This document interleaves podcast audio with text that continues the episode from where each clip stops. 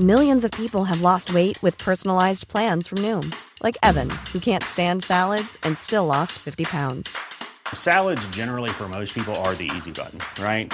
For me, that wasn't an option. I never really was a salad guy. That's just not who I am. But Noom worked for me.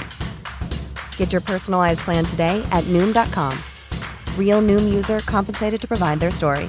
In four weeks, the typical Noom user can expect to lose one to two pounds per week. Individual results may vary. Cool fact a crocodile can't stick out its tongue. Also, you can get health insurance for a month or just under a year in some states. United Healthcare short term insurance plans, underwritten by Golden Rule Insurance Company, offer flexible, budget friendly coverage for you. Learn more at uh1.com. Hold up. What was that? Boring. No flavor. That was as bad as those leftovers you ate all week. Kiki Palmer here, and it's time to say hello to something fresh and guilt-free. Hello Fresh. Jazz up dinner with pecan-crusted chicken or garlic butter shrimp scampi. Now that's music to my mouth. Hello Fresh. Let's get this dinner party started. Discover all the delicious possibilities at hellofresh.com.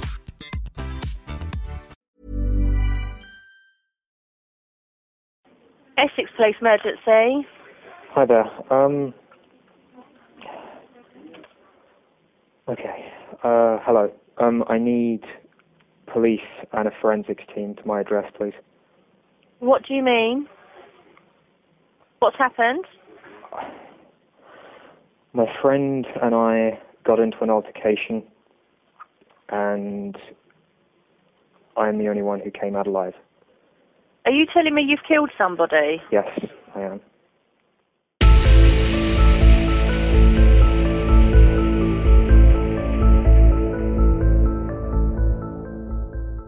Hej och varmt välkomna ska ni vara till ännu ett avsnitt av Rysapodden. Och den här veckan så har det blivit dags för oss att prata om mordet på 14-åriga Breck Bednar. Det här ägde rum i februari 2014. Men det som sakta men säkert ledde upp till själva mordtillfället började egentligen redan under våren 2013. För det var ju nämligen när Breck började prata och spela online med en kille som var drygt fyra år äldre än honom. Ja, och ni har ju säkert redan läst själva sammanfattningen av fallet i avsnittsbeskrivningen. Men mycket av det här fallet och det här avsnittet handlar om hur den här 18-åriga killen utsatte Breck för så kallad nätgrooming under en längre period på ett extremt manipulerande och kontrollerande sätt. Och det som är väldigt chockerande i det här fallet, utöver hur händelseförloppet och själva mordet gick till, är ju också faktumet att både offret och gärningsmannen var så pass unga. Ja, och med tanke på att det här faktiskt handlar om barn så vill vi som alltid skicka med en extra varning för er som tycker att den typen av innehåll är jobbigt att ta del av. Däremot så finns det väldigt mycket information i det här fallet som vi alla säkerligen kan lära oss något av och ha i åtanke. Speciellt med tanke på att internet, sociala medier och egentligen allt som har med teknik att göra bara kommer att fortsätta utvecklas mer och mer framöver. Så det här är ju verkligen ett otroligt viktigt ämne att belysa och som inte får glömmas bort i vår egen och i våra barn och ungdomars digitala vardag. Men med det sagt så tycker jag helt enkelt att vi tar och sätter igång med den här veckans avsnitt.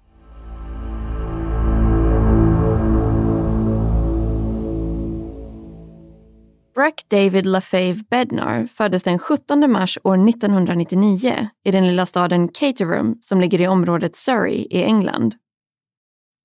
Hans mamma Lauren LaFave och pappa Barry Bednar var dock ursprungligen från USA. De träffades i en stad som heter Breckenridge i Colorado och det var just den staden som inspirerade paret till att ge sin son det unika namnet Breck. Lauren och Barry valde sedan att flytta från USA år 1996 eftersom att Barry fick ett jobberbjudande i England. Han arbetade inom oljeindustrin och var dessutom enormt framgångsrik, vilket gjorde att familjen kunde leva ett väldigt gott liv. Breck föddes som sagt år 1999, så alltså tre år efter att Lauren och Barry flyttade till England. År 2002, när Breck var tre år gammal, så fick han inte bara ett, utan tre syskon. Lauren födde då trillingar, vilket gjorde att familjen helt plötsligt växte från tre personer till sex personer. Trillingarna bestod av en pojke, Sebastian, och två flickor, Chloe och Carly. I och med det här nya tillskottet av barn blev det såklart en stor omställning för familjen och som man kan föreställa sig ska det ha varit fullt ös hemma med de fyra barnen. Men Breck älskade verkligen att umgås med sina småsyskon och även om det var fullt ös så var hemmet fyllt av glädje, skratt och lek. I takt med att syskonen blev äldre delade han med sig av all sin kunskap och erfarenhet och det här gjorde att trillingarna såg upp väldigt mycket till sin äldre bror.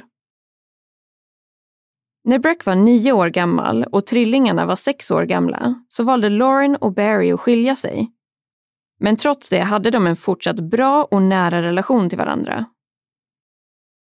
Lauren och de fyra barnen stannade kvar i familjens hus i Surrey medan Barry flyttade till en annan bostad i närheten. Men han var fortsatt en stor del av barnens liv och de spenderade väldigt mycket tid tillsammans med sin pappa och sov över där regelbundet. Efter skilsmässan började Lauren arbeta på en förskola och efter ett tag började hon också träffa en annan man. Familjens hem fylldes ofta med vänner och familj som kom över på middagar och för att umgås med Lauren och barnen. Utöver det brukade de också gå till kyrkan tillsammans varje söndag. Så med andra ord hade Breck ett väldigt socialt och inkluderande familjeliv.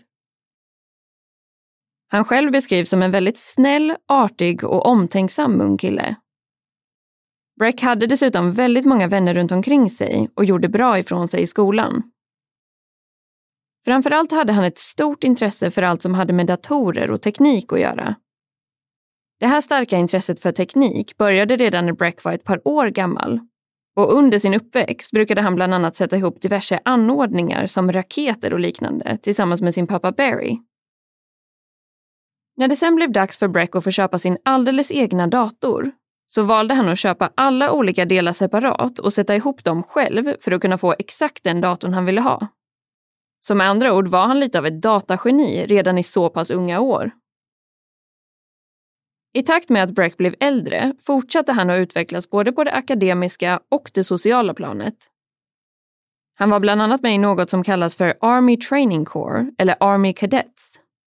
Och det här begreppet har vi nog faktiskt nämnt i något tidigare avsnitt, men det här är ju egentligen inte direkt kopplat till armén, utan snarare ett sammanhang för unga att utveckla nya kunskaper, aktivera sig och träffa nya vänner. I och med hans kunskap och intresse för datorer så hade han, precis som många andra tonåringar, ett stort intresse för gaming och att spela olika typer av dataspel. Han spenderade därför väldigt många timmar inne på sitt rum framför datorn, där han spelade online tillsammans med sina vänner och skolkamrater. Bland annat brukade de spela Minecraft, Battlefield och Call of Duty. För att kommunicera med varandra under spelet brukade de ofta använda ett kommunikationssystem som heter Teamspeak. Och det här gör att alla kan koppla upp sig samtidigt och prata med varandra i samma rum, så att säga. De flesta av hans kompisar spelade med största sannolikhet mest bara för att det var spännande och ett roligt sätt att umgås. Men Breck var utöver det också väldigt intresserad av själva tekniken och grafiken bakom spelen och hur allt hängde ihop. Han hade helt enkelt en väldigt avancerad nivå av kunskap inom det här området jämfört med sina andra jämnåriga kompisar. Trots att Breck som sagt spenderade väldigt många timmar inne på sitt rum och framför datorn så tyckte både Lauren och Barry att det var roligt att han hade det här intresset och hade möjligheten att kunna umgås med sina vänner på det här sättet. Han var fortfarande en väldigt aktiv kille och deltog i andra typer av aktiviteter också. Men han hade ett väldigt speciellt intresse just för datorer och hoppades på att kunna arbeta inom det här området när han blev äldre. En ambition som hans föräldrar såklart stöttade honom i. Så vid det här laget kändes Brecks spelande väldigt harmlöst och som ett helt normalt beteende för en kille i hans ålder. Både Lauren och Barry ska till och med vid flera tillfällen ha gått förbi Brecks dataskärm när han spelade och då tänkt för sig själva att det faktiskt såg ganska så roligt ut. Sakta men säkert började dock Brecks beteende att förändras. Han drog sig undan mer och mer och började isolera och distansera sig från resten av familjen. Hans humör blev också väldigt oberäkneligt och ibland kunde han komma ut från sitt rum och verka grinig och irriterad utan att egentligen förklara varför. Det här nya och förändrade beteendemönstret ska ha börjat ungefär vid tidpunkten då Breck firade sin 14-årsdag, det vill säga i mars år 2013. Normalt brukade Breck spela online med sina skolkamrater och vänner som hans föräldrar också kände till och hade koll på vilka det var. Men under den här perioden hade framförallt Lauren noterat att hennes son hade börjat prata en hel del med och om en kille som hette Louis Danes. Han var nämligen en av ett antal personer som var med i en stängd gaminggrupp som Breck också var en del av. Det här namnet, Lewis, kändes inte bekant för Lauren och hon började därför undra om han kanske kunde ha någonting att göra med Brecks förändrade beteende och attityd. Enligt uppgift ska Breck också ha börjat säga emot sin mamma betydligt mer än han någonsin gjort tidigare. Bland annat kunde han säga att han inte borde behöva städa eller plocka undan hemma om det inte var han som hade stökat till och att Lewis hade sagt till honom att det var orättvist. Breck hade ju också blivit uppfostrad i ett kristet hem och hade alltid tyckt om att följa med till kyrkan tidigare. Men vid det här laget började han klaga över att gå dit och sa att Lewis hade sagt att han inte borde tvingas med dit hela tiden om han inte trodde på Gud. Så då kan man ju såklart undra vem den här mystiska Louis Danes var. Och det här beror lite på om man utgår ifrån hans påhittade personlighet online eller hans faktiska identitet, som han jobbade hårt för att dölja och hålla hemlig inför de personer som han regelbundet spelade och interagerade med. I det verkliga livet så var Lewis nämligen en 18-årig kille, även om han såg betydligt yngre ut än så.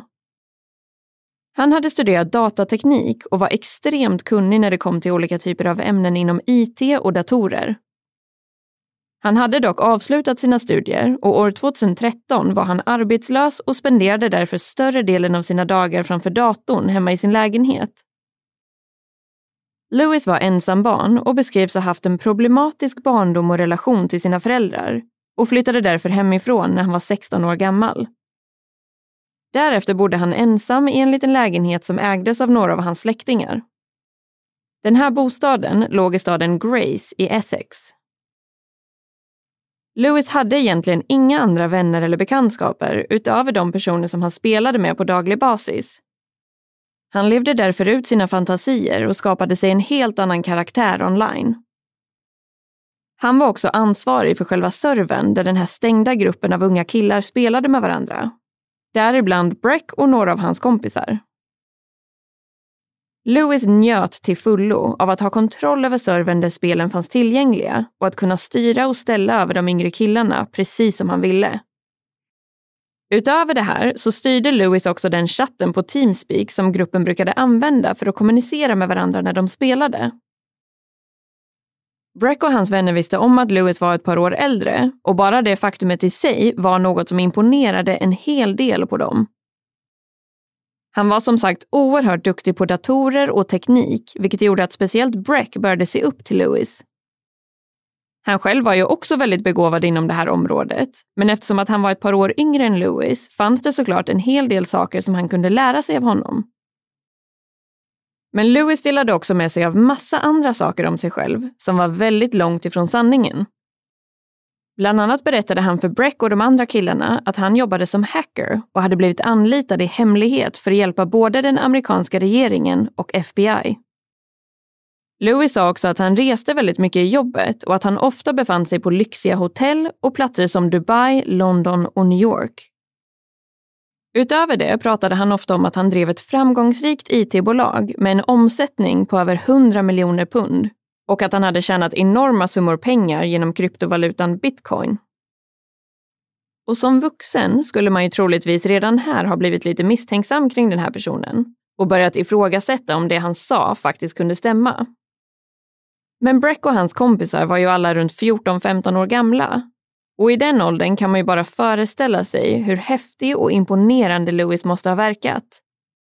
Han levde ju i princip deras ultimata drömliv och framförallt Brecks ultimata drömliv.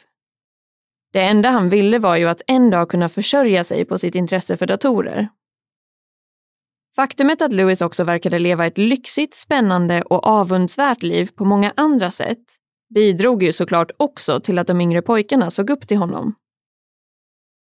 Just den här beundran och respekten var något som Lewis utnyttjade till fullo. Han började nämligen mer och mer utvecklas till en kontrollerande och manipulerande ledare för den här gruppen. Sakta men säkert började han skapa friktion i gruppen genom att försöka vända killarna mot varandra.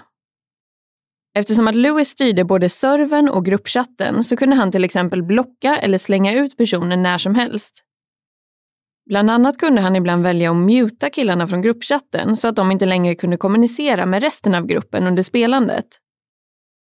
Vissa av killarna började till slut tröttna på Lewis dominerande och elaka beteende och ska då ha uttryckt den här åsikten till Breck. Men ju mer de klagade på Lewis, desto mer ökade Brecks lojalitet gentemot honom. Han försvarade alltid Lewis och kunde till och med ibland bli defensiv och arg på sina vänner. Några av killarna ska dessutom ha börjat ana att Lewis ljög om vissa delar av sitt liv. Men Breck ska då återigen bara ha avfärdat den här typen av kommentarer och åsikter. En efter en så lämnade killarna servern och till slut var det i princip bara Lewis och Breck kvar i den här gruppen. Och det här var precis det som Lewis hade önskat. Nu kunde han nämligen fortsätta manipulera Breck och bygga vidare på det nät av lögner han hade skapat. Lewis hittade bland annat på att han av misstag hade råkat höra några av Brecks vänner på en gruppchatt och att de då ska ha snackat skit om honom bakom hans rygg. Och sakta men säkert manipulerade han Breck till att sluta umgås med sina andra kompisar. Lewis var ju såklart medveten om att de insåg att det var något konstigt med honom och att han troligtvis hade hittat på större delen av vem han var och vad han jobbade med. Men Breck fortsatte att imponeras av sin äldre vän och lita på allt det han sa. Som jag nämnde tidigare så brukade Lewis också säga åt Breck att han inte behövde lyssna på sina föräldrar heller. Och speciellt inte på Lauren. Med andra ord jobbade han aktivt med att försöka isolera Breck från sin familj och sina vänner. Det vill säga alla personer i hans närhet som skulle kunna sätta stopp för deras kontakt och relation. Och det här var något som Lauren verkligen började notera. Breck och Lewis hade nu pratat och spelat online tillsammans i lite mer än ett halvår och vid det här laget kunde Breck ibland nämna Lewis namn flera gånger om dagen. Han berättade om sin imponerande vän som ägde ett framgångsrikt bolag och vilket fantastiskt liv han levde. Bland annat hade Breck blivit lovad att Lewis skulle fixa en praktikplats till honom på Microsoft så fort han fyllde 16. Utifrån det här var det ju egentligen ingen idé för Breck att ens fortsätta med sina studier eller att plugga vidare på universitetet senare. Allt skulle ju lösa sig ändå, tack vare Lewis. Lauren insåg ganska direkt att allt det här verkade väldigt misstänksamt och att det inte kändes särskilt troligt att den amerikanska regeringen skulle välja att anlita en tonårig engelsk hacker för sina IT-behov. Vid flera tillfällen gick Lauren förbi Brecks rum när han satt och spelade och pratade med Lewis på gruppchatten. Och hon kände därför till hans röst och hörde mycket av vad han sa. Ibland kunde hon till och med utbyta ett par ord med Lewis i förbifarten och fråga hur han mådde och vad han hittade på i New York. Men för varje nytt svar hon fick blev hon bara mer och mer misstänksam och orolig för vem han egentligen var. Och framförallt vad han hade för intentioner. Utöver informationen om sin framgång och glamorösa livsstil så hade Lauren ibland också hört Lewis uttrycka en del politiska åsikter som skulle kunna uppfattas som kontroversiella och som gjorde henne orolig. Bland annat om att Lewis hade en del kopplingar till aktivitet i Syrien och att han hatade staten och regeringen. Lauren började därför misstänka att Lewis hade någon form av agenda kring att försöka radikalisera eller på annat sätt påverka Breck politiskt en annan stark oro var också att Lewis kanske var betydligt äldre än han påstod och att han egentligen var en pedofil som nu ägnade sig åt att utsätta Breck för grooming. Och just det här begreppet är nog de allra flesta bekanta med. Men grooming, eller nätgrooming, är ju kort förklarat när vuxna personer tar kontakt med barn online och framförallt i sexuellt syfte. Förövaren brukar då bearbeta och manipulera barnet på olika sätt under en period genom att exempelvis ljuga om sin identitet och försöka skapa känslomässiga band och en stark tillit. Själva ändamålet för den här groomingprocessen kan ju bland annat vara sexuella övergrepp eller att locka in barn till olika typer av illegala aktiviteter, som prostitution eller trafficking. Och med tanke på hur relationen mellan Breck och Lewis hade utvecklats så kan man ju absolut förstå att Lauren började känna sig orolig över den här situationen. Hon bestämde därför att det var dags att försöka sätta stopp för deras kontakt genom att begränsa hans aktivitet och tiden han spenderade framför datorn. Hon förklarade för Breck att hon var orolig, att hon inte litade på Lewis och att han troligtvis inte var den personen som han påstod sig vara online. Och att han till och med kunde vara farlig på något vis. Dessvärre gjorde det här att Breck tydde sig ännu mer till Lewis och fortsatte att glida längre ifrån sin familj och sina gamla vänner. Lauren blev till slut så pass orolig att hon valde att kontakta den lokala polisen i Surrey. Det här telefonsamtalet ägde rum den 17 december år 2013. Hon ringde då upp den linjen för ärenden som inte bedöms vara akuta men som ändå behöver flaggas för polisen. Så ungefär som 114 14 här hemma i Sverige. När Lauren kom fram till polisens växel så berättade hon för operatören om hela den här situationen. Det här 12 minuter långa telefonsamtalet finns tillgängligt att lyssna på och man hör då verkligen på Laurens röst hur pass orolig hon är och hon använder just uttrycket grooming flertalet gånger. Bland annat förklarar hon att Louis försöker vända Breck mot sin egen familj och sina vänner.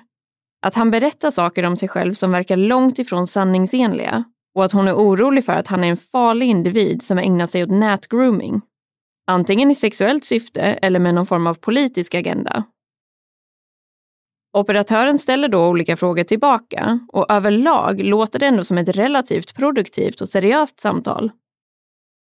Däremot märker man ganska tydligt i samtalet att operatören inte verkar speciellt oroad och inte ställer några konkreta frågor kring just grooming-aspekten av det hela. De flesta av hennes frågor handlar mer om den praktiska delen kring att Lauren borde prata med sin son om situationen och vilken typ av hemsida hon menar att han är inne på. Och det här handlade ju inte alls om en hemsida med opassande innehåll, utan snarare en individ som hade manipulerat och bearbetat Breck och andra pojkar online under en längre period. Operatören verkar med andra ord inte riktigt förstå den egentliga innebörden av begreppet grooming och att det här är ett ord som bör tas på största möjliga allvar. Hon bekräftar dock att Lauren gör det rätta genom att försöka begränsa Breck och Lewis kontakt med varandra och att det kan vara en bra idé att till och med ta ifrån honom hans dator under en period. Utöver det säger hon att det är klokt av Lauren att höra av sig till polisen med de här misstankarna. Hon förser henne också med ett ärendenummer och säger att det de kan göra i nuläget är att skicka vidare den här infon och namnet Louis Danes till deras så kallade Intelligence Department.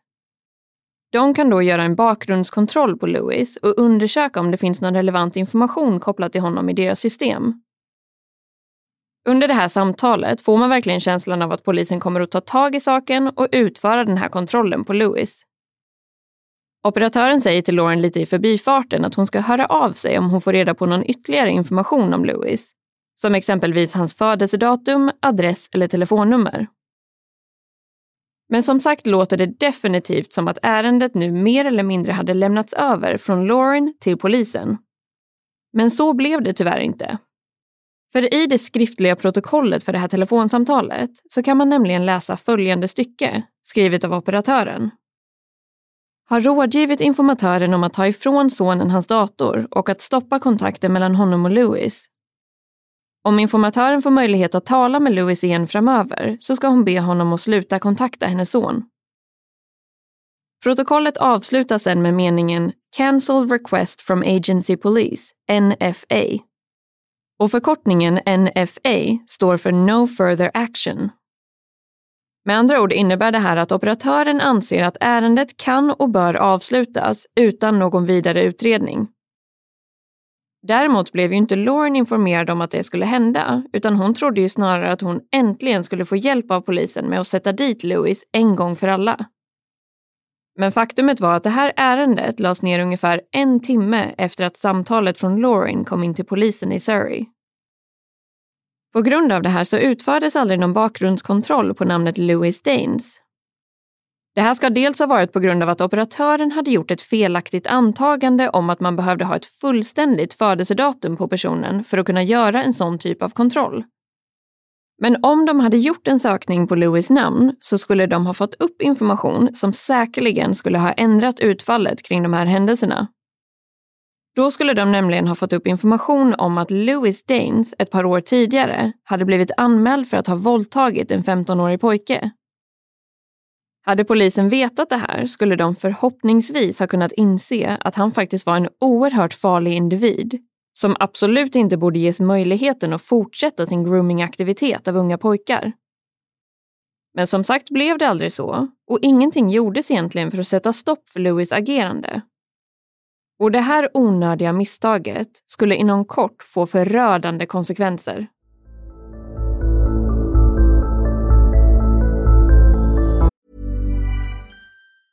Hey, it's Danny Pellegrino from Everything Iconic. Ready to upgrade your style game without blowing your budget? Check out Quince. They've got all the good stuff shirts and polos, activewear, and fine leather goods, all at 50 to 80% less than other high end brands. And the best part? They're all about safe, ethical, and responsible manufacturing. Get that luxury vibe without the luxury price tag. Hit up quince.com slash upgrade for free shipping and 365 day returns on your next order. That's quince.com slash upgrade.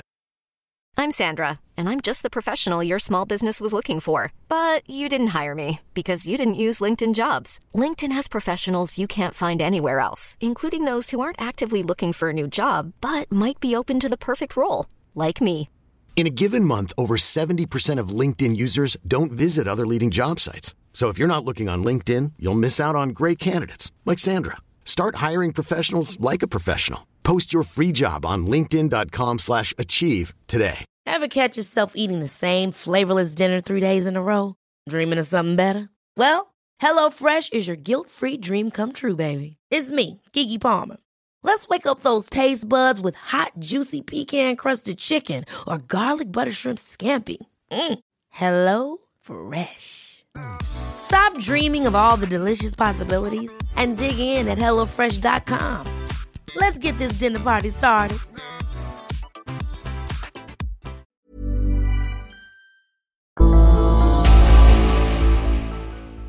Laurens telefonsamtal till polisen i Surrey ägde som sagt rum i mitten av december år 2013. Och ingenting konkret gjordes från polisens håll eftersom att ärendet lades ner innan det ens började utredas. Så Lewis fortsatte att manipulera och vända Breck mot sin familj och påminde honom konstant om att han inte behövde dem i sitt liv. Han förklarade att Breck var så otroligt smart och begåvad och att han skulle kunna göra precis vad han ville i livet. Varför skulle han slösa bort sina bästa år på att gå i skolan och bo hemma med föräldrar som hela tiden tjatade på honom och försökte kontrollera hans liv? Lewis byggde upp ett luftslott av framtidsdrömmar för Breck och fortsatte genom komplimanger om hans kunskap inom datorer och IT. Bara ett par dagar efter att Lauren ringde polisen så valde Lauren och Barry att boka in ett möte med Breck och några av hans vänners föräldrar. Det här för att prata om relationen som de hade haft och som Breck fortfarande hade med Lewis. Under det här mötet så uttrycker föräldrarna och framförallt Lauren och Barry väldigt tydligt för Breck att de misstänker att han blir utsatt för grooming och att de var genuint oroade över hans säkerhet vid det här laget. Flera av Brecks vänner hade ju redan tidigare börjat ana att det kanske var något skumt med Lewis och att han kanske inte talade sanning. Men i vanlig ordning så fortsatte Breck att försvara sin vän och uttryckte att Lewis var den enda personen som delade alla hans intressen och som han kände att han kunde prata med. Polisen insåg sen i efterhand att Breck hade spelat in det här mötet i smyg för att kunna dela det med Lewis så att han skulle kunna hålla koll på vad föräldrarna sa om honom. I slutet av mötet så verkade det däremot som om Breck började förstå deras oro och argument och han sa därför att han skulle göra som de rekommenderade och börja ta mer avstånd från Lewis. I själva inspelningen av mötet så kan man i slutet höra Brecks pappa Barry när han sammanfattar vad de har kommit fram till. Han säger då att de alla är överens om att Lewis helt enkelt kan ses som ute ur bilden från och med nu. Efter det här mötet så valde Lauren också att ta ifrån Breck hans dator under en period för att säkerställa att han faktiskt höll sitt löfte om att hålla sig borta från Lewis. Det här var ju såklart inte ett beslut som uppskattades av Breck, även om Lauren själv visste att hon bara försökte skydda sin son bäst hon kunde. Och det hon inte insåg då var att deras kontakt skulle fortsätta ändå, men att de nu istället hördes i smyg och på andra sätt än via gruppchatten och spelandet. Lewis ska nämligen i hemlighet ha postat en mobiltelefon till Breck som han kunde använda för att hålla kontakten med honom utan att hans föräldrar skulle märka det. Utåt sett verkade dock saker och ting sakta men säkert vända till det bättre för familjen. I BBC-dokumentären Murder Games så berättar Brecks pappa Barry om att familjen firade jul tillsammans år 2013 och att allt då nästan kändes som vanligt igen. De hade det riktigt bra tillsammans och Breck blev väldigt glad och tacksam för sina julklappar.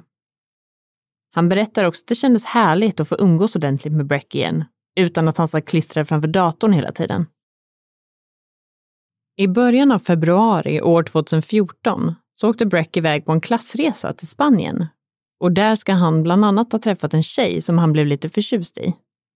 Något som var ganska så ovanligt för Breck eftersom att han inte hade dejtat så mycket tidigare. Enligt hans familj och vänner verkade det som att han hade haft det bra på resan och han kändes genuint lycklig och som att han mådde väldigt bra överlag. Vid det här laget så hade det också gått drygt en och en halv månad sedan Breck hade lovat att säga upp kontakten med Lewis. Och det verkade som att han hade hållit sitt löfte.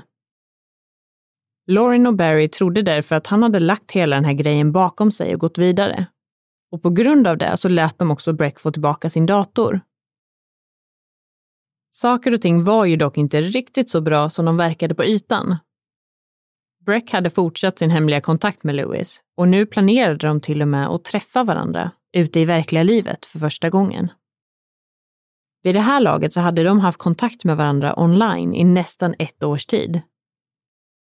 Lewis hade nämligen förklarat för Breck att han hade blivit väldigt sjuk och att han nu behövde Brecks hjälp. Mer exakt ville han att Breck skulle ta över hans framgångsrika IT-bolag och se till att det höll sig flytande och att alla miljontals pund skulle fortsätta strömma in under hans frånvaro. I och med att Breck bara var 14 år gammal så kände han sig såklart lite överväldigad av den här möjligheten. Men Lewis fortsatte att smickra honom och bygga upp hans självförtroende. Han var ju en sån smart och begåvad kille och det här skulle kunna förändra hans liv för alltid. Han blev lovad att han såklart skulle få hjälp och stöttning av Lewis tills dess att han kände sig bekväm nog att styra bolaget på egen hand. Men för att Breck skulle kunna komma igång med det här viktiga arbetet så behövde de ju först och främst ses för att Lewis skulle kunna sitta ner och gå igenom allt det praktiska med honom. De gjorde därför upp en plan om att Breck skulle komma över till Lewis tillfälliga boende i Grace, Essex. Datumet som spikades var söndag den 16 februari 2014. Det vill säga kort efter att Breck hade kommit hem från sin Spanienresa. Vid den här tidpunkten så bodde Breck hemma hos sin pappa eftersom att det var skollov veckan därpå. Med tanke på att Breck var tvungen att hålla kontakten med Lewis hemlig så valde han att hitta på en alternativ historia för att få tillåtelse att åka iväg och spendera kvällen hos en kompis. Givetvis fick han noggranna instruktioner och coachning av Lewis kring exakt vad han skulle säga för att Barry inte skulle bli misstänksam. Så Breck sa helt enkelt till Barry att han ville spendera kvällen hos en kompis som bodde ett par gator bort. Och det här var ju såklart en kompis som Barry hade full koll på och visste vem det var. Han sa därför att det var helt okej okay och kände sig dessutom väldigt glad över att Breck återigen hade hittat tillbaka till sina gamla kompisar och skulle umgås med en av dem på riktigt, snarare än att sitta framför datorn hela kvällen som han annars brukade. Men dessvärre stämde ju inte den här informationen och Breck hade egentligen en helt annan plan för kvällen. Han gjorde sig i ordning, sa hej då till sin pappa och lämnade bostaden. Därefter vandrade han iväg ett par kvarter för att sedan hoppa in i en taxi som körde honom raka vägen hem till Louis lägenhet i Grace. Den här staden ligger ungefär 45 minuter med bil från Caterham, där Breck bodde. Men kostnaden för taxin var såklart ingenting som han behövde oroa sig för eftersom att Lewis vänligt nog hade sett till att den var betald i förväg. Under kvällen ringde Breck hem till Barry och sa att de hade det trevligt och att de jobbade på ett dataprojekt tillsammans och åt pizza. Han frågade om det var okej att han sov över eftersom att det trots allt var skollov dagen efter. Barry blev glad och tacksam över att Breck hade en härlig kväll tillsammans med sin kompis och sa därför att han fick lov att sova över. Däremot så skulle han se till att vara tillbaka hemma igen under morgonen eftersom att han skulle hjälpa till att ta hand om sina yngre syskon. Det vill säga trillingarna Sebastian, Chloe och Carly som var 12 år gamla vid den här tidpunkten. Sen kom morgonen och nu var det här alltså måndagen den 17 februari. Och just den här dagen råkade också vara Laurens födelsedag. Barry vaknade upp och förväntade sig att Breck skulle komma hem inom kort. Men när han inte hade kommit hem den tiden som de hade kommit överens om så ringde han till Brecks mobiltelefon. Han fick då inget svar, trots att han sedan ringde flertalet gånger och skickade sms om att han skulle höra av sig snarast möjligt. Barry började vid det här laget bli lite orolig och kontaktade därför Lauren för att säga att Breck inte hade kommit hem ännu och frågade om hon kanske hade hört något från honom, vilket hon inte hade gjort. Kort efter att det här telefonsamtalet mellan Lauren och Barry ägde rum så började en serie av fruktansvärda händelser att utveckla sig. Det här var som sagt den allra första dagen på det efterlängtade skollovet och de flesta tonåringarna i Caterham valde därför att ta lite sovmorgon. Brecks kompis Tom däremot hade sovit lite oroligt under natten och vaknade därför upp ganska så tidigt den här morgonen. Han bestämde sig för att fördriva lite tid framför datorn. När Tom slog sig ner framför datorn och loggade in på gruppchatten Teamspeak så noterade han att Lewis var online. Därefter så anslöt sig några fler personer och efter en stund så började Lewis skicka över bilder till Tom och de andra killarna som tidigare brukade spela tillsammans.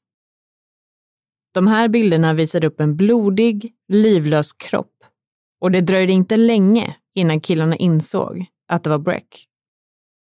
I samband med att han skickade bilderna så ska Lewis ha förklarat att Breck hade kommit över till hans lägenhet igår och att en olycka hade inträffat och att han nu var död. De här bilderna på Brecks döda kropp började sedan snabbt cirkulera bland vänner och bekanta online och via sociala medier. Hans kompisar blev såklart helt chockade och tänkte till en början att det kanske var ett väldigt osmakligt skämt eller att det kanske trots allt var någon hemsk olycka som hade inträffat. Som man kan förstå så ville de såklart inte tro att Louis skulle ha kunnat skada Breck medvetet. För varför skulle han vilja göra det? När de var så pass bra vänner och hade pratat med varandra online i mer än ett år. I och med att bilderna cirkulerade så pass snabbt så dröjde det inte heller länge alls innan hans tolvåriga småsyskon började ta emot meddelanden på sociala medier. Deras kompis frågade då om den här tragiska nyheten stämde. Hade Breck verkligen dött eller till och med blivit mördad? Och det var alltså på det här viset som hans syskon fick reda på vad det var som hade hänt med deras storebror.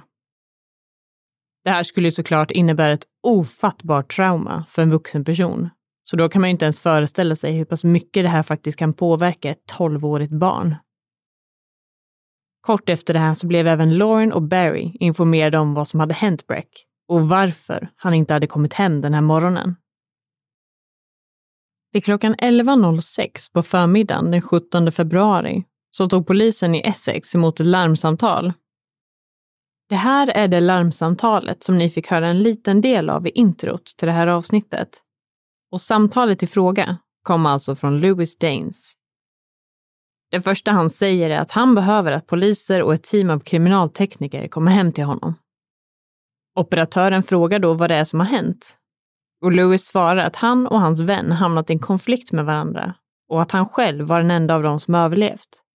Så med andra ord att han har mördat sin vän. Och jag tänker att vi kan ta och lyssna på början av det här larmsamtalet igen nu och det här materialet kommer alltså från Essex Police Department som har valt att släppa det här samtalet och göra det möjligt för allmänheten att ta del av. Men här kommer i alla fall en liten del av det till att börja med. Essex Police Emergency. Hi there. Um. Okay. Uh, hello. Um, I need police and a forensics team to my address, please. What do you mean? What's happened? My friend and I got into an altercation, and I'm the only one who came out alive. Are you telling me you've killed somebody? Yes, I am. Right, and who am I speaking to? My name is Lewis Daines. I'm 18 years old and I live. Det här samtalet pågår sedan i drygt sex minuter. Och i stora drag kan man säga att Lewis förklarar att Breck hade kommit dit och var upprörd och självmordsbenägen och att han hade försökt skada sig själv. Anledningen till att han kom hem till Lewis ska ha varit att han var ledsen och mådde dåligt på grund av sina hemförhållanden. De hade sedan en trevlig kväll tillsammans, men när de vaknade på morgonen så hade Breck fortfarande varit ledsen. Lewis ska då ha försökt trösta Breck, men han ska då helt plötsligt ha spårat ur totalt och börjat bråka. Breck ska sedan ha försökt skada Lewis med hjälp av en fickkniv som Lewis hade på sitt sängbord. Lewis ska då ha försökt försvara sig genom att ta kniven ifrån Breck och brotta ner honom på marken. Därefter förklarar Lewis oerhört tydligt och sakligt för operatören vad som hände efter det. Han säger nämligen följande mening. Efter det så knivhögg jag honom en gång i nacken. Jag tror att det måste ha varit någonstans runt järnbalken. Lewis förklarar sen att Breck fortsatte att bråka och att det hela slutade med att han skar upp halsen på honom och att han dog. Han försöker sen låta lite känslig och förklarar att han gjorde allt han kunde för att stoppa blödningen, men att han tyvärr inte lyckades. Den här något chockade och förvirrade larmoperatören försöker göra sitt jobb och ställa alla de praktiska frågorna som hon behöver. Och Lewis blir då märkbart irriterad och ber henne att inte avbryta honom flera gånger under samtalet. Till slut får han nog och frågar om polisen är på väg eller inte och hon svarar då att de borde vara där när som helst. Därefter hör man att hon försöker säga något till Lewis, men han väljer då istället att slänga på luren i örat på henne. Och som sagt så är det här ett ganska långt telefonsamtal. Men just den delen när han säger åt larmoperatören att inte avbryta honom är väldigt speciell. Och det känns som att det ger en ganska så tydlig bild av hur pass manipulerande och kontrollerande den här killen faktiskt är. Vilket såklart är lite extra skrämmande med tanke på att han också bara var 18 år gammal vid den här tidpunkten. Så här kommer helt enkelt en lite längre del av samtalet. I have a penknife on the side of, uh, sorry, in my room, adjacent to my bed. I have a, a chest of drawers. After shaving the TV and stuff on there, I had a penknife on there, folded. He picked it up, opened it, and then lost control. I slow down. Let me just let me just take those details here. Penknife on the bedside table. Brett grabbed this. Yeah. What in order to harm himself? No, in order to harm me. He opened it and right, then lost okay. control. To harm informant and opened it. Um, it states he lost control. I, yep. in self-defense, put my left arm up to block him from stabbing me effectively. We struggled. I got him to the ground. He got up. I got the knife. Can Okay. you can you not interrupt me with this part? Okay, go on. Uh, Okay. This is being recorded anyway, isn't it? Yep. I grabbed a knife and I stabbed him once in the back of the neck, I believe somewhere near the brainstem. He turned around, he tried to carry it on, and I, I, I think I stumbled on my chest of drawers. I fell over. I got back up, backed away, and then I, I don't remember exactly what happened, but the fight ended with me cutting his throat. I believe I turned around and I slashed his throat. Så ja, det här är ju verkligen ett extremt obehagligt samtal utifrån vad som sägs. Men det som gör det hela ännu mer obehagligt är också faktumet att Lewis lyckas hålla sig så pass lugn, saklig och kontrollerad under hela det här telefonsamtalet. Ganska direkt efter det här så anlände polisen till Lewis lägenhet. Och de insåg då väldigt snabbt att Lewis utsaga inte kändes speciellt trolig. Det verkade nämligen inte alls som att det hade förekommit någon form av kamp eller slagsmål inne i lägenheten. Och allt pekade på att Breck inte hade haft någon som helst möjlighet att kunna försvara sig. Hans livlösa och blodiga kropp låg nu på golvet inne i lägenheten. Vid en första anblick så noterade polisen bland annat en kniv som låg på golvet och Brecks blodiga kläder som låg inslängda i en svart sopsäck. I en papperskorg hittade de också vävtejp som såg ut att använts för att binda ihop någons händer eller fötter. Faktumet att Lewis hade skurit Breck i halsen var uppenbart och någonting man kunde bekräfta redan på plats. Och just det här fastställdes senare som den officiella dödsorsaken. Det fanns också bevis på att någon form av sexuell aktivitet hade ägt rum mellan dem innan Breck dog. Men av fullt förståeliga skäl har man valt att inte gå ut med mer specifika uppgifter än så. Lewis hade också samlat ihop all sin krypterade elektronik som datorer, hårddiskar och mobiltelefoner och blötlagt dem i handfatet i badrummet. Det här var ju uppenbarligen eftersom att han ville förstöra all form av bevis kring kommunikationen han hade haft med Breck under det senaste året och specifikt tiden innan mordet ägde rum. Något han däremot inte visste var att Breck hade haft med sig sin iPad dit och att den låg längst ner i hans ryggsäck. Den här enheten lyckades han därför inte förstöra och polisen kunde därför använda sig av bland annat den för att bevisa att Lewis hade planerat och utfört det här mordet på Breck. De hittade konversationer som tydligt visade på hur Lewis hade manipulerat och i princip hjärntvättat Breck under väldigt lång tid. Utöver det så kunde de också se hur Lewis hade gett Breck tydliga instruktioner kring hur han skulle ljuga för sin pappa. Polisen kunde senare också styrka faktumet att Lewis hade bokat och förbetalt taxin som hämtade upp Breck just den här kvällen. Trots att det uppenbarligen fanns en hel del bevis gentemot Lewis, både digitalt men också fysiska bevis in i lägenheten, så fortsatte han att hålla fast vid sin historia om att Breck hade dött till följd av en olycka. När polisen fortsatte sin utredning började dock mer och mer bevis att dyka upp. Bland annat visade det sig att Lewis hade gjort en beställning från Amazon drygt tre veckor innan Breck blev mördad. Han hade då beställt saker som vävtejp, kondomer och injektionssprutor, vilket indikerar att han hade planerat de här händelserna in i minsta detalj. Efter ytterligare grävande och utredande kunde polisen också kartlägga och analysera Lewis beteende online, vilket visade sig vara minst sagt oroväckande. Han ägde bland annat en server i Tyskland där han hade haft kontakt med hundratals unga gamers. Så om det inte hade varit Breck som föll offer för Lewis ondska hade det med stor sannolikhet blivit en eller flera andra unga killar. Polisen hade i princip inga anhöriga eller vänner till Louis som de kunde få någon information ifrån. Något som visade på hur pass isolerad han hade varit i sitt dagliga liv. De enda som egentligen kunde uppge någon form av information om Louis till polisen var därför de personerna som han hade spelat med online. Det som samtliga personer då beskrev var hur pass kontrollerande och manipulativ han var i sitt beteende. Men Lewis blev i alla fall gripen för Brecks mord redan samma dag som polisen anlände till lägenheten. Det vill säga måndagen den 17 februari 2014. Därefter satt han häktad i väntan på rättegång. Under den här tiden så ska han ha vägrat samarbeta med polisen och valde vid flera tillfällen att inte lämna någon kommentar under alla de förhören som hölls. Själva rättegången skulle sedan påbörjas den 25 november 2014 drygt nio månader efter att mordet ägt rum. Och det han blev åtalad för var mord med sexuella och sadistiska motiv.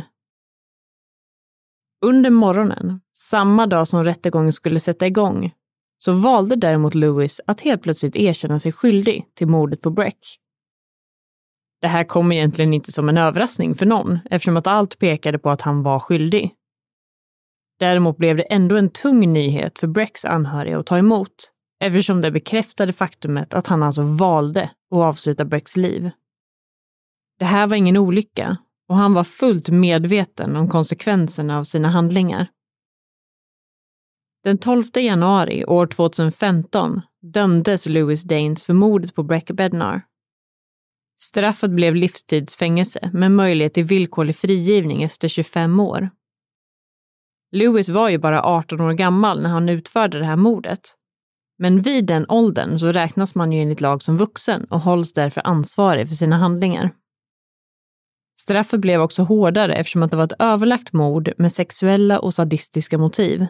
Och på grund av att offret dessutom var ett 14-årigt barn. Med tanke på att Lewis måste sitta av minst 25 år så innebär ju det att om och när han väl blir frigiven så kommer han åtminstone att vara i 45-årsåldern. Efter att Lewis blev tilldelad sin dom så uttalade sig Brecks mamma Lauren till media och sa då följande om gärningsmannen som tog hennes son ifrån henne. Inga antal år bakom galler kommer någonsin att kunna förändra den giftiga attityden och agerandet hos ett psykotiskt djur som faktiskt kan bete sig så här. Och inga antal år bakom galler kommer någonsin kunna göra att vi får tillbaka vår älskade pojke som togs ifrån oss. Brecks begravning ägde rum i hans hemstad Caterham. Det här var den 17 mars 2014 och just den här dagen skulle han ha firat sin 15-årsdag. Och något av det värsta i just det här fallet är ju också faktumet att det här med största sannolikhet hade kunnat undvikas. Lauren kontaktade ju polisen i Surrey redan i december 2013 och flaggade för att hon trodde att hennes son blev utsatt för grooming. Hade polisen agerat korrekt vid den här tidpunkten så skulle det här troligtvis aldrig ha hänt. Efter Brecks död så valde Lauren och Barry att stämma polisen för tjänstefel och för att de misslyckades med att skydda Brecks liv trots att de blev serverade all information som de egentligen hade behövt för att ta ärendet vidare. Om de hade sökt på Louis Danes namn i systemet hade de ju som sagt fått upp information om att han hade blivit anklagad för att ha våldtagit en 15-årig pojke ett par år tidigare. För även om han tyvärr aldrig dömdes för det här brottet så fanns ju informationen fortfarande kvar i hans register. Lewis var en oerhört farlig individ som definitivt hade kunnat stoppas i tid under andra omständigheter. Den här stämningen resulterade slutligen i att polisen betalade ut en okänd summa pengar till Brecks familj. Utöver den här stämningen så påbörjades också en extern utredning av polisen i Surrey. Den här utredningen gjordes av The Independent Police Complaints Commission, som ofta förkortas till IPCC. Polisen i Essex, alltså där Lewis Danes bodde, anmälde senare också sig själva till IPCC utifrån deras inblandning och utredning av det här fallet. Det man kom fram till gällande utredningen av polisen i Surrey var att den operatören som tog emot Laurens samtal i december 2013 inte hade genomgått lämplig utbildning kring hur man bäst hanterar ärenden kopplade till just nätgrooming. Hon missade därför en livsavgörande möjlighet till att kunna sätta stopp för det som senare skulle äga rum. Det som egentligen skulle ha skett vid det här tillfället är att Lauren borde ha blivit kopplad vidare till en annan avdelning av polisväsendet i England som är specialiserade på just den här typen av ärenden. Den här avdelningen kallas för CEOP och står för Child Exploitation and Online Protection Center de kan nämligen erbjuda vägledning och stötta anhöriga på ett korrekt sätt om man är orolig för att ens eget eller någon annans barn blir utsatt för grooming på nätet. Och faktumet att det här inte skedde och att Lawrence ärende lades ner drygt en timme efter att samtalet ägt rum resulterade ju i slutändan i att Breck miste livet drygt två månader senare. Enligt uppgift så ska operatören som tog emot Lawrence telefonsamtal själv ha valt att säga upp sig från polisen en tid efter Brecks död. Och trots att det här absolut var en form av tjänstefel så kan man ju inte ens föreställa sig hur det måste kännas att behöva leva med den här typen av misstag på sitt samvete. Polisen i Surrey utförde även en intern utredning och implementerade nya utbildningar och övningar för sina anställda inom just grooming och utnyttjande av barn online. Brecks föräldrar och framförallt Lauren har valt att ägna sitt liv åt att sprida ordet om grooming och att hjälpa andra föräldrar att stötta och skydda sina barn. Hennes önskan och strävan är att inget barn eller familj ska behöva gå igenom det som de behövde göra. Hon valde därför att starta upp The Breck Foundation och inom bara ett par veckor så hade organisationen tagit emot bidrag på ungefär 25 000 pund den här organisationen har som syfte att utbilda barn och föräldrar kring säkerhet online och uppmanar till att kontakta polisen vid minsta oro eller obehag. Bland annat har The Breck Foundation besökt olika skolor runt om i Storbritannien för att berätta om Brecks historia och hur viktigt det är att inse vilka faror som faktiskt kan dölja sig på andra sidan skärmen. Tillsammans med den lokala polisen i Surrey, Essex, Leicestershire och Northamptonshire så har den här organisationen också producerat en kortfilm som än idag visas för barn och ungdomar runt om i Storbritannien. Den här filmen heter Brecks Last Game och beskriver händelseförloppet som slutligen ledde till hans död. Huvudbudskapet i filmen är detsamma som The Breck Foundations ledord, nämligen frasen “Play virtual, live real”. Det vill säga att man kan spela med främlingar online, men att man ska leva på riktigt och aldrig någonsin möta upp någon i verkliga livet om man inte känner personen. Breck begravdes som sagt i sin hemstad Caterham och med tanke på att han älskade datorer så mycket så valde familjen att designa en gravsten som såg ut som en dataskärm med tillhörande tangentbord. Och jag tänker att vi kan avsluta med de otroligt fina och tänkvärda orden som familjen valde att skriva på själva gravstenen. Breck David LaFave Bednar, always in our hearts. A gorgeous, clever son and brother, taken from us too soon. Loss leaves a heartache no one can heal. Love leaves a memory no one can steal. Play virtual, live real.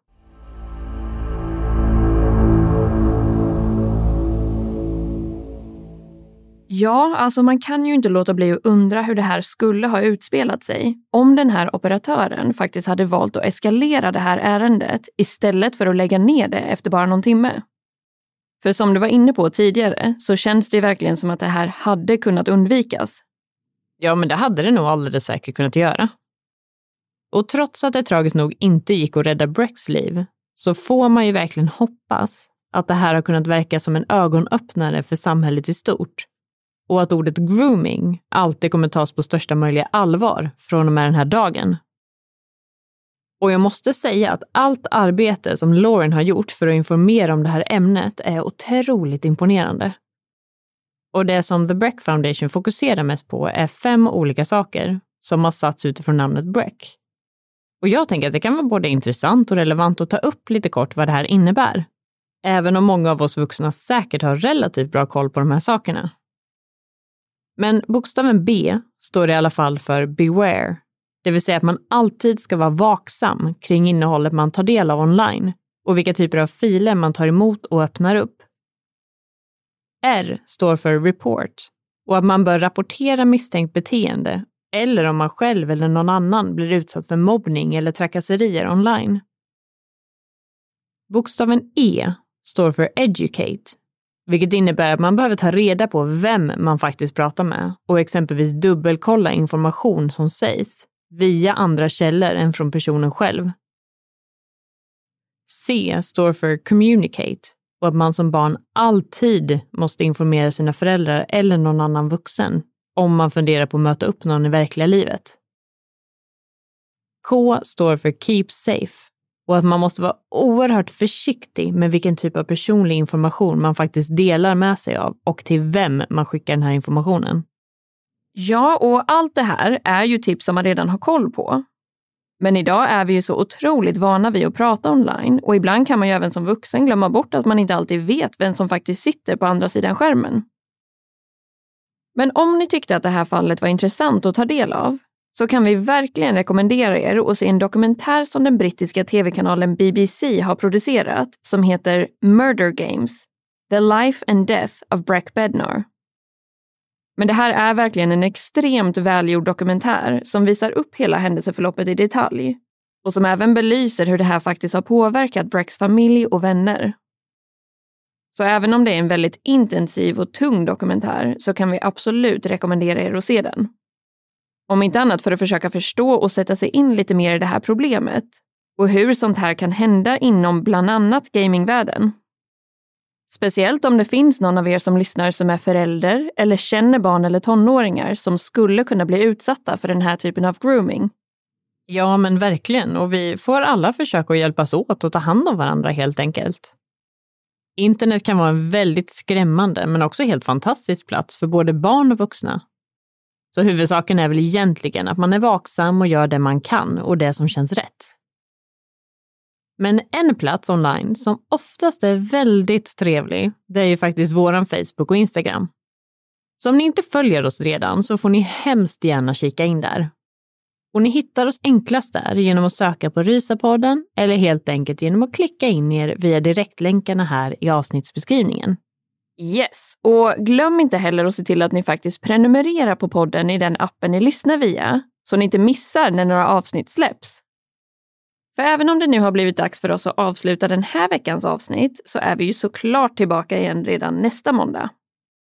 Och i vanlig ordning vill vi passa på att skicka med ett stort tack för att just du har valt att lyssna på det här avsnittet av Rysapodden.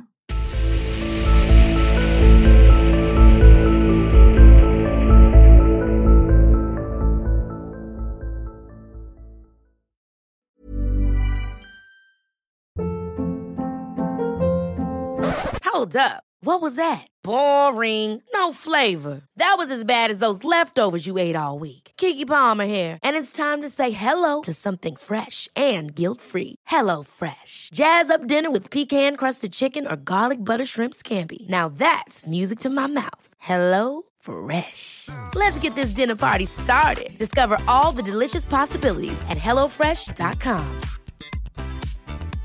Even when we're on a budget, we still deserve nice things. Quince is a place to scoop up stunning high-end goods for 50 to 80% less than similar brands. They have buttery soft cashmere sweaters starting at $50, luxurious Italian leather bags, and so much more. Plus, Quince only works with factories that use safe, ethical, and responsible manufacturing. Get the high-end goods you'll love without the high price tag with Quince. Go to quince.com/style for free shipping and 365-day returns. Why don't more infant formula companies use organic, grass fed whole milk instead of skim? Why don't more infant formula companies use the latest breast milk science? Why don't more infant formula companies run their own clinical trials? Why don't more infant formula companies use more of the proteins found in breast milk? Why don't more infant formula companies have their own factories instead of outsourcing their manufacturing? We wondered the same thing. So we made ByHeart, a better formula for formula. Learn more at byheart.com.